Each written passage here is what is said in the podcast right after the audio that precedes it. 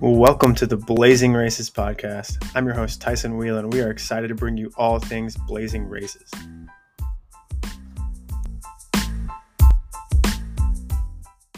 All right, on this week's episode, we're going to be talking to John Vodacek. This is our 2021 Blazing 5K champion. He ran a 14:11 to set the course record, and he is also the manager of Run N' Fun up north. Welcome, John. Thanks for having me.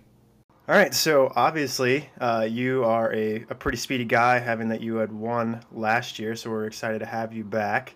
Uh, how has training been going? Uh, you know, this year's been a little different than last year. Uh, it's been a kind of a slow start to the summer, uh, just a little bit banged up and everything, but second week back with workouts now. So, you know, just because it's a little different doesn't mean it can't be any less good. So we're getting going. Hey, that's not too far from our first guest. We had Austin O'Brien, and he's on week two as well. He's like, I got nine weeks to get some fitness, so there's there's plenty of time to build. Well, have you had a chance to to get any races recently, or has it been since you've been banged up? Is there not much on the schedule? Hasn't been much. Uh, race some indoor races, uh, and then after that, just kind of needed to to reset. So uh, I think I got one coming up here in August, uh, here in Woodbury, and then might be uh, the Blazing 5K might be the second one, so we'll get after it then. Hey, once you get one under the belt, it's racing season again. So, so last year's race, uh, you I think we recruited you because we saw you had uh, the Brian Kraft 5K. You crushed that one, and so we brought you down for the 5K. Um, what were your thoughts on, on last year's race going into it, um, and how do you think you performed? I mean, I was definitely pretty happy with it because I only ran three seconds slower than I did at Brian Kraft, and it was definitely a little bit hotter than it was. Um, to be honest, I wasn't even planning on racing beyond August, and then you guys messaged me. Uh, I think it was maybe in June or something, and I was like, "Well, dang, if if it's big enough that they want me to come down, might as well go see what you know it's all about. It's pretty cool to be invited to a race, and uh, turned out it was one of my favorite races I did all year. So uh, I don't know, it was a great, great setup, great course, and everything. So glad I did, and glad you invited me back.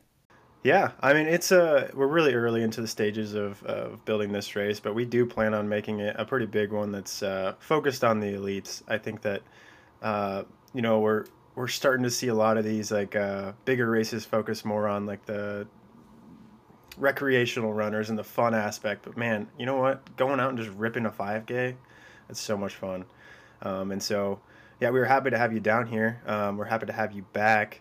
Um, is there anything? I mean, you kind of roughly touched it. Is there anything that you're excited about with this race this year? Um, I think we're we're hoping to bring some competition to you, uh, and we'll we'll see some fast times, and it won't be too easy to to run nine seconds in the last 400 the rest of the guys this year. So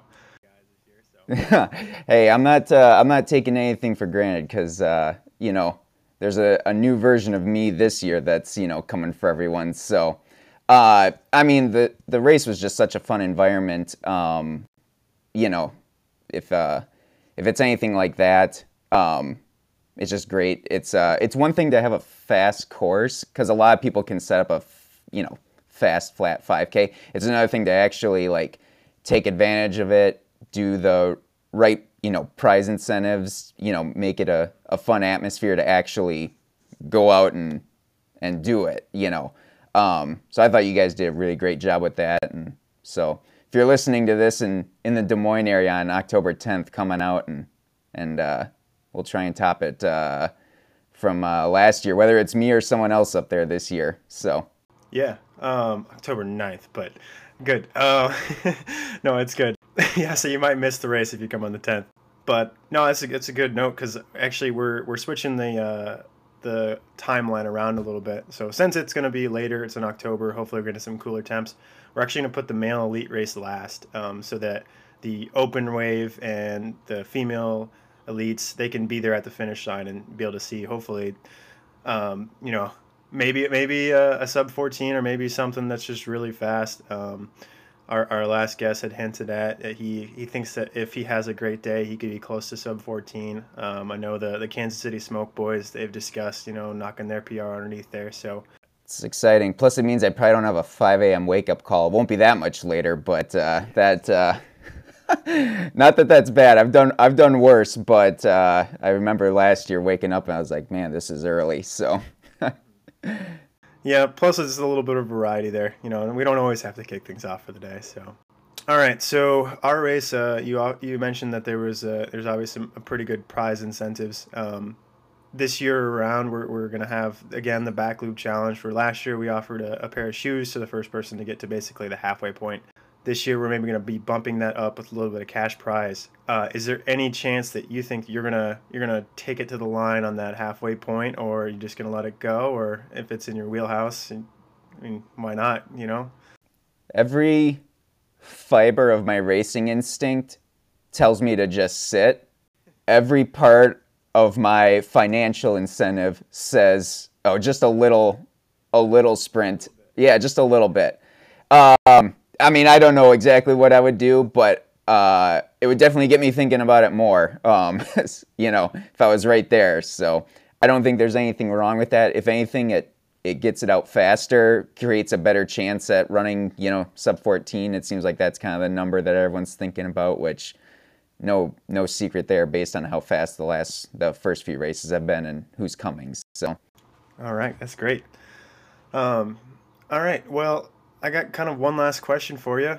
If you if you're listening and you haven't done the 5K or you're, you're coming back for a second year, is there any advice that you think that these listeners should be uh, getting about the Blazing 5K? Um, you know, it's it's a hundred percent unique course where you're not overlapping anything. So, is there is there a, a straightaway you think that you need to make a move or settle in some certain area or any advice you've got to uh, first time or returning runners for the Blazing 5K?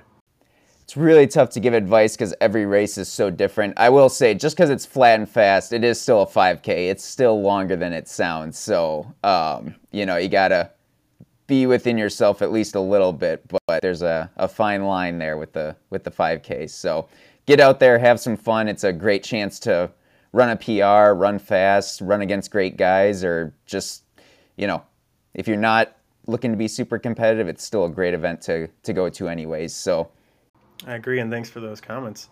Um, all right, well, I think that's all I've got. Is there anything else you you've like to say? Uh, I don't think so. Looking forward to hopefully being fit enough to be up there uh, when the time comes. But uh, you know, in the meantime, everyone go sign up for the Blazing 5K if you're in the Des Moines area on October 9th. 9th, that is. There we go. Awesome. Well, thanks again for coming on, and uh, we'll see you soon. Great. Thanks for having me.